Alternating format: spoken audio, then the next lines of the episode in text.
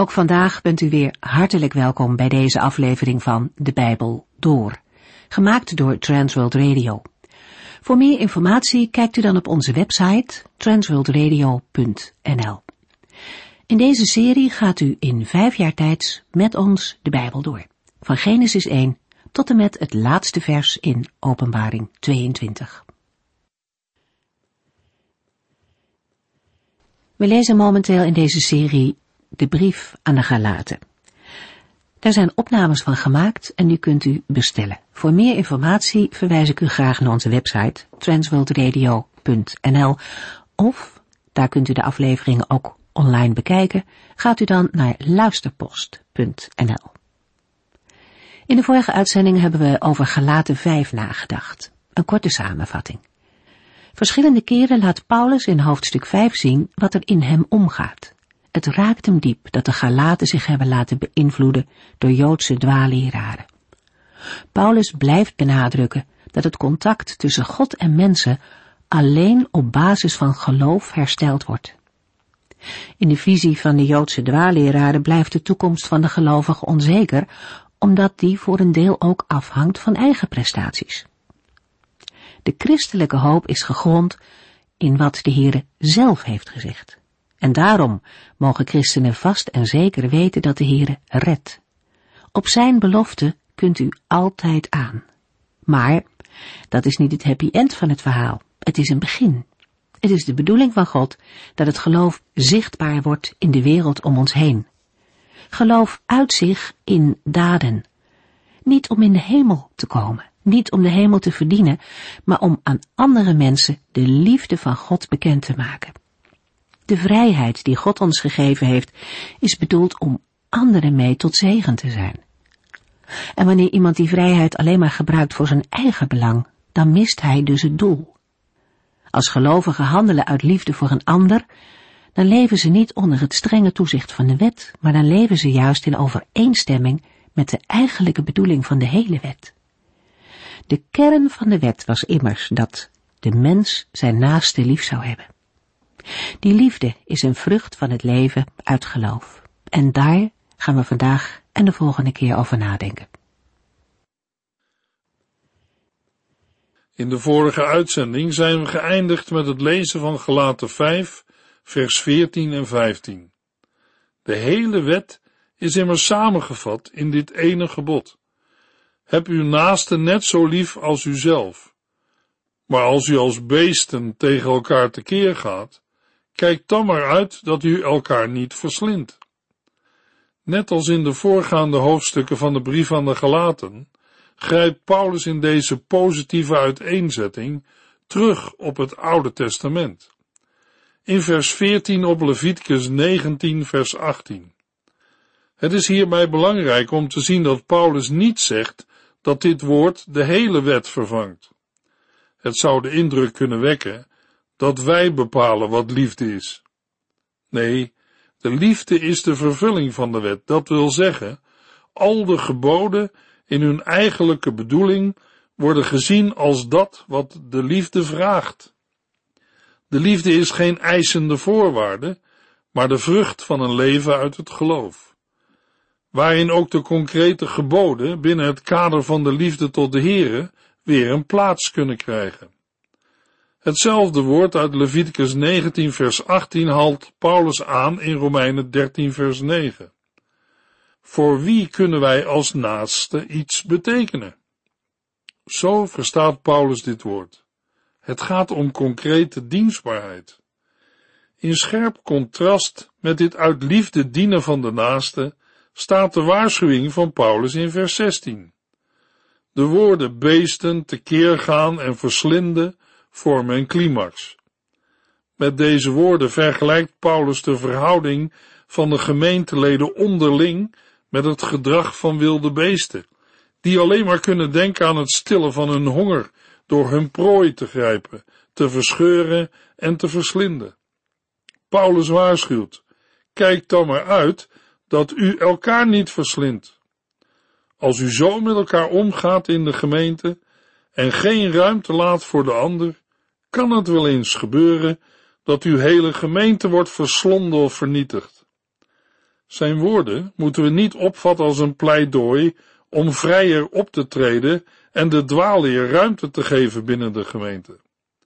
Paulus doelt veel meer op een andere manier van handelen. Een gelovige kan de verkregen vrijheid misbruiken om de eigen zin te doen. Gelaten 5 vers 16 Leef altijd in gehoorzaamheid aan de Heilige Geest. Dan zal de zonde geen kans krijgen zich uit te leven. Het leven, in overeenstemming met het doel van die geschonken vrijheid, wordt nu door Paulus nader uitgewerkt. Wie op de juiste manier in vrijheid leeft, moet altijd leven in gehoorzaamheid aan de Heilige Geest. De toevoeging altijd geeft iets weer van de volharding in het christelijke leven. In gehoorzaamheid aan de Heilige Geest wil zeggen dat de grond van het leven van een gelovige en de manier van leven helemaal bepaald moeten worden door de Heilige Geest. Dat sluit de menselijke inspanning en verantwoordelijkheid niet uit, maar in. Alleen door zo te leven zal de zonde in het leven van een gelovige geen kans krijgen om zich uit te leven. De uitdrukking over de zonde die een kans zoekt om zich uit te leven, is een aanduiding van een leven dat zichzelf tot norm wil zijn en daarmee de geschonken vrijheid misbruikt. Door toe te geven aan wat de oude menselijke natuur, de zonde, wil, slaat die vrijheid om en ontstaat er opnieuw slavernij, omdat de mens dan gevangen blijft in zijn eigen zonde en begeerte. De enige manier om die naar binnen gerichte houding open te breken, is te wandelen door de Heilige Geest. Er zijn veel dingen die op zichzelf niet slecht zijn, maar een gelovige wel kunnen afhouden van geestelijke dingen. Sommige christenen kunnen zo door hun hobby of hun werk worden opgeslokt, dat het hen afhoudt van het woord van God. Er is geen tijd meer voor persoonlijk gebed en bijbellezen. En er is geen tijd meer om bijbelstudieavonden en bidstonden te bezoeken. Maar hoe goed de dingen ook zijn waar u of jij druk mee bent, als het je weghoudt van een persoonlijke omgang met de Heere, moet je oppassen. Want als u of jij niet altijd leeft in gehoorzaamheid aan de Heilige Geest, dan zal in uw leven de zonde de kans krijgen om zich uit te leven. Dan blijkt er ruimte te komen voor allerlei zondige neigingen. Beter gezegd, dan blijkt de natuurlijke mens, onze oude zondige natuur, ruimte te krijgen om de kop weer op te steken. Waarom? Omdat uw nieuwe natuur uitgehongerd is, ze wordt niet gevoed. Gelaten 5 vers 17 Want de zondige neigingen gaan in tegen de verlangens van de Heilige Geest, en omgekeerd. Deze twee krachten zijn altijd met elkaar in conflict. U moet dus niet doen wat u maar wilt. De zondige neigingen en het doel van het werk van de Heilige Geest sluiten elkaar uit. Onze oude natuur is alleen op zichzelf gericht. De Heilige Geest verbindt ons met God en helpt ons elkaar te dienen in een geest van liefde. De uitwerking van het feit dat er in een gelovige een oude en een nieuwe natuur aanwezig zijn, maken dat er altijd twee krachten met elkaar in conflict zijn. Ter illustratie vertel ik u een anekdote die ik u al een keer eerder bij de bespreking van een ander Bijbelboek heb doorgegeven. De anekdote is een persoonlijke ervaring van een Amerikaanse Bijbelleraar en zendeling en getiteld De Twee Naturen. De anekdote begint met de woorden uit Gelaten 5 vers 17. Een indiaan gaf een getuigenis van zijn bekering in een bijeenkomst van een aantal christelijke leden van zijn stam. Hij vertelde dat hij zo blij was nu hij zijn heiland had leren kennen en dat hij in het begin dacht dat hij nooit meer zou zondigen. Maar na verloop van tijd voelde hij een innerlijke strijd, die hij als volgt omschreef. Het leek wel alsof er twee honden in mijn hart aan het vechten waren. De een was een goede, witte hond, die alleen mijn bestwil op het oog had. De ander was een slechte, zwarte hond, die er alleen maar op uit was dat te vernietigen wat ik wilde opbouwen. Met deze twee honden heb ik veel te stellen gehad, want ze zijn altijd met elkaar in gevecht. Een van de luisteraars vroeg laconiek, en welke van de twee wint het? De bekeerde indiaan zei onmiddellijk, degene die ik het meeste eten geef. De anekdote is een mooie illustratie van de twee naturen in de gelovigen. Als we wandelen en leven door de Heilige Geest, zullen we de begeerte van de oude natuur niet uitvoeren. Maar als we toegeven aan de zuigkracht en de honger van onze oude natuur, dan delven we beslist het onderspit. Want de zondige neigingen gaan in tegen de verlangens van de Heilige Geest en omgekeerd.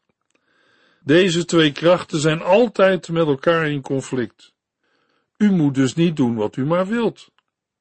Als iemand is vrijgekocht en door Gods genade het nieuwe leven heeft ontvangen, is daarmee de oude natuur nog niet ten volle uitgeschakeld.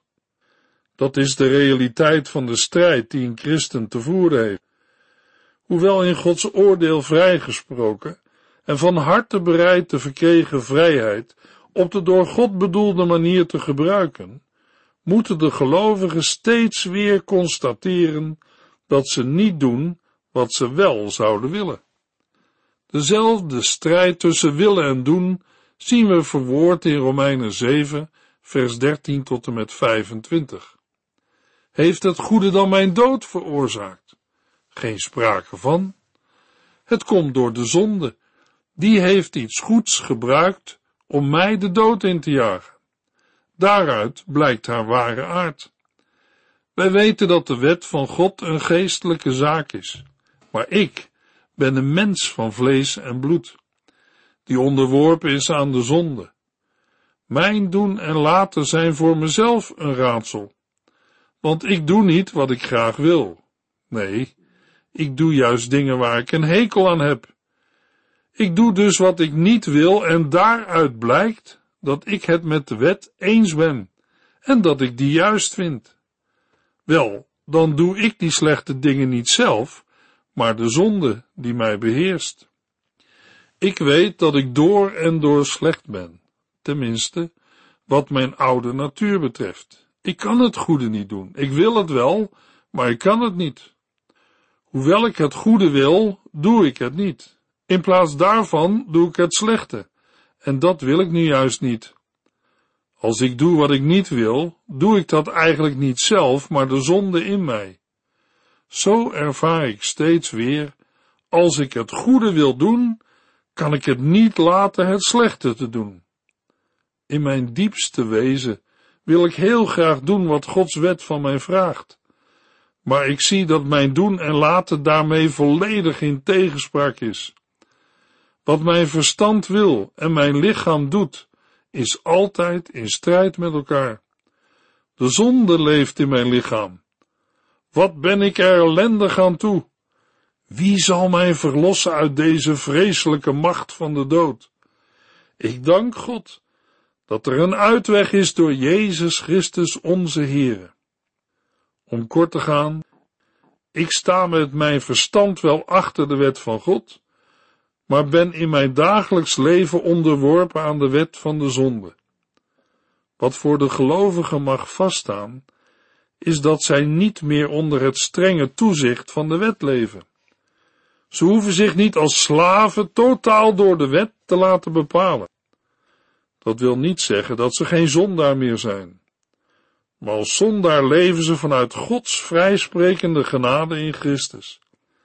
Daarom bestaan ze niet meer voor die wet, die de vloek uitspreekt over een ieder die zich niet houdt aan alles wat daarin geschreven staat. Een gelovige heeft een nieuwe natuur. Dit is ook wat de Heer Jezus tegen Nicodemus zegt in Johannes 3 vers 6. Uit de mensen komt menselijk leven voort, maar uit de geest van God komt geestelijk leven voort. Een gelovige heeft nog een oude natuur en hij zal die in dit leven niet kwijtraken. Johannes schrijft in 1 Johannes 1 vers 8, als wij beweren zonder zonde te zijn, bedriegen wij onszelf en doen wij de waarheid geweld aan. We hebben in Romeinen 7 gelezen over de onrust die Paulus in zijn eigen leven ervoer van de oude en nieuwe natuur. Het is de ervaring van iedere gelovige. Het vlees, het eigen ik, strijdt tegen de geest en de geest strijdt tegen het vlees. Daarom kunnen we niet de dingen doen die wij graag zouden willen. Want onze nieuwe natuur rebelleert tegen de oude natuur en andersom. Ze zijn elkaars tegenpolen, ze strijden met elkaar. En luisteraar, wat is uw ervaring? Gelaten 5 vers 18 Als u zich voortdurend door de Heilige Geest laat leiden, valt u niet meer onder de wet. Niet meer onder de wet vallen wijst terug naar Gelaten 3 vers 23. Daar schrijft Paulus, toen we nog niet wisten dat wij op Jezus Christus mochten vertrouwen, leefden wij, bij wijze van spreken, onder het strenge toezicht van de wet. Maar nu wij Christus hebben leren kennen, hoeven wij ons niet meer als slaven totaal door de wet laten bepalen. Wij zijn nog zondaars, daarom doen we nog steeds dingen die verkeerd zijn. Maar we mogen leven vanuit Gods vrijsprekende genade in Jezus Christus. Eerder stelde Paulus in Gelaten 3 tegenover het onder de wet zijn, het vrijgekocht zijn door het bloed van Jezus Christus. In Gelaten 5 vers 18 gaat het om het doel van die vrijkoping. Het zich als gelovige voortdurend door de Heilige Geest laten leiden. Het werk van Christus en dat van de Heilige Geest zijn onlosmakelijk met elkaar verbonden. De Heilige Geest doet ons op de juiste manier leven in de vrijheid die ons door Christus is gegeven. Daarmee geeft Paulus de bron van dat leven aan, Christus zelf. Tegelijkertijd normeert de Heilige Geest het leven van een gelovige naar de wet van Christus. Immers, volgens vers 14, is de hele wet samengevat in dit ene gebod. Heb uw naaste net zo lief als uzelf. In Gelaten 6 vers 2 lezen we, u moet elkaars moeilijkheden en problemen dragen, dan voldoet u aan de wet van Christus. Als de Heilige Geest een gelovige zo normeert naar de wet van Christus, zal een gelovige niet doen wat hij of zij zelf wil, en zal de zonde geen kans krijgen zich uit te leven. Mogelijk dat iemand denkt of zegt, heel mooi, maar dat is makkelijker gezegd dan gedaan. Ja, dat is waar. U, jij en ik hebben een natuur die geneigd is om af te dwalen. Geneigd om God en mijn naaste te haten, op de tweede plaats te stellen of zelfs te verlaten. Er zijn tijden dat onze oude natuur, ons eigen ik, van God af wil dwalen. Heeft u zo'n ervaring wel eens gehad? Dan wil je als mens God loslaten. Allerlei gebeurtenissen en omstandigheden kunnen een mens soms in zo'n donkere put duwen. Het hoeft niet meer. Bidden helpt toch niet en God is ver weg. Wie zal zich nog om ons bekommeren? Luisteraar, pas op, want dan bent u gebeten door die zwarte hond. Dan steekt de oude natuur zijn kop weer op en probeert de witte hond te verdrijven. Maar als u de Heer loslaat, wil dat nog lang niet zeggen dat de Heere ook u loslaat. De Heere staat, met eerbied gesproken, echt niet te lachen als u in de modder en het moeras van het leven wegzakt. Hij is uw vijand niet. Hij wil uw verlosser zijn, uw borg en zaligmaker. Luisteraar, wilt u toegeven dat u een mens bent die Gods verlossing nodig heeft?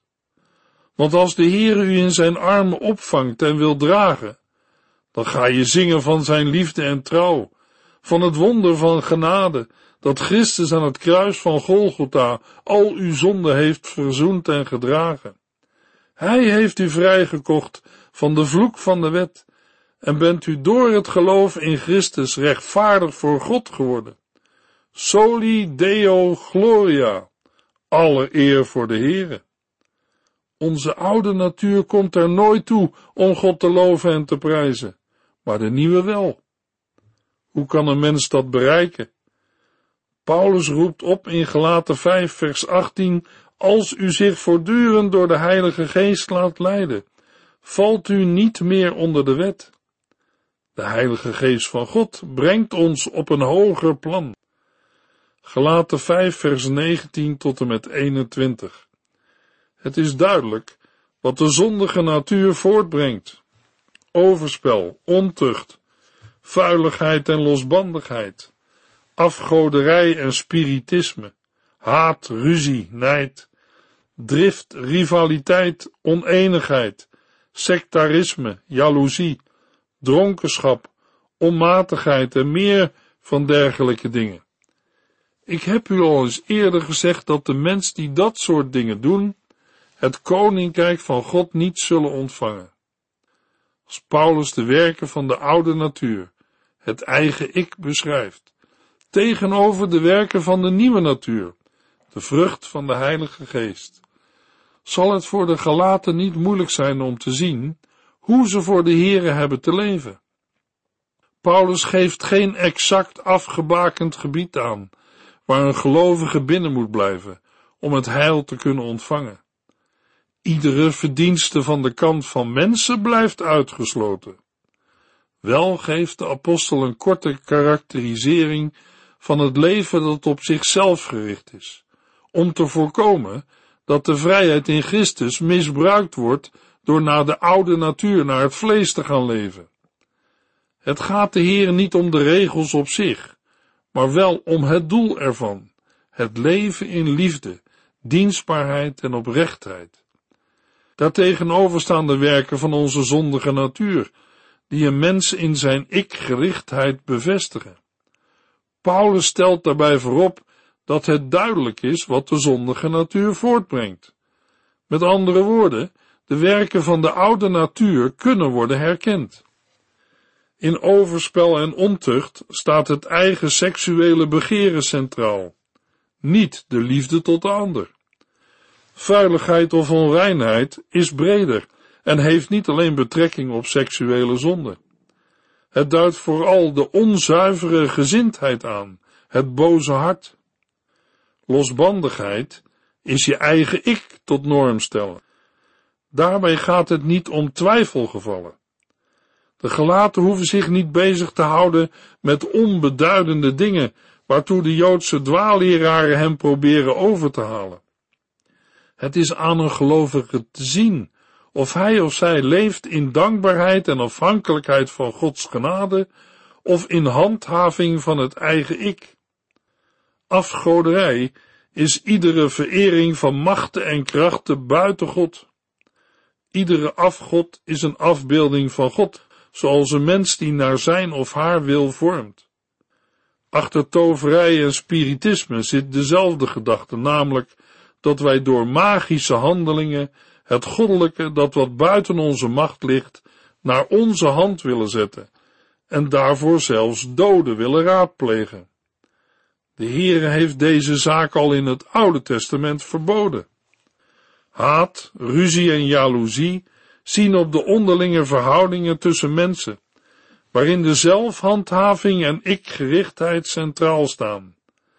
Drift en allerlei uitbarstingen van boosheid en zelfstucht staan tegenover de gezindheid van Christus. Een gezindheid die de Heilige Geest een gelovige wil leren. Daardoor kan een gelovige nederig zijn en een ander hoger aanslaan dan zichzelf. Rivaliteit, oneenigheid en sectarisme waren aan de orde van de dag in de gemeente van Galatië. Paulus wijst hier op de ik-gerichtheid, die juist daarin uitkomt dat mensen in de eerste plaats op het eigen gelijk of het gelijk van de eigen partij of de groep uit zijn. Dronkenschap staat in de Griekse tekst in het meervoud en is vaak een verzamelnaam voor allerlei uitspattingen waarbij eten, drank en seks centraal staan. Met de woorden en meer van dergelijke dingen geeft Paulus aan dat zijn lijst niet compleet is. Hij geeft alleen een aantal duidelijke typeringen. Mogelijk maakt hij hierbij gebruik van bekende opsommingen die ook in catechetisch onderricht werden gebruikt. Gelijksoortige lijsten vinden we in Romeinen 1 en 13, 1 Corinthiërs 6, 2 Corinthiërs 12 en Colossense 3 vers 5 tot en met 8. In elk geval kan Paulus teruggrijpen op zijn eigen onderwijs.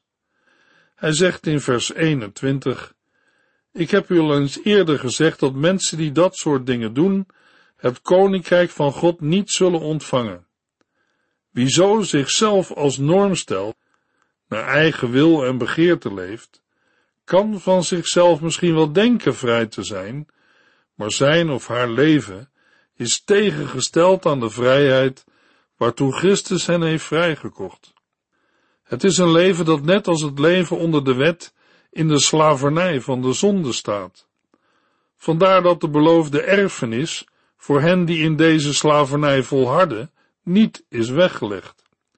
Mensen die dat soort dingen doen, zullen het koninkrijk van God niet ontvangen. Voor het woord ontvangen vinden we in het Grieks een woord dat beërven betekent. Daarmee wordt het thema van gelaten 3 en 4 weer aangeduid. Het bedoelde erfgoed is het koninkrijk van God. We vinden dat ook in andere Bijbelboeken. Het gaat om het deel krijgen aan al Gods beloften en zijn zegen. De tien geboden werden gegeven om het eigen ik in bedwang te houden en te overtuigen van wat goed en kwaad is. Daartoe moet christen door de Heilige Geest de vrucht van de geest voortbrengen.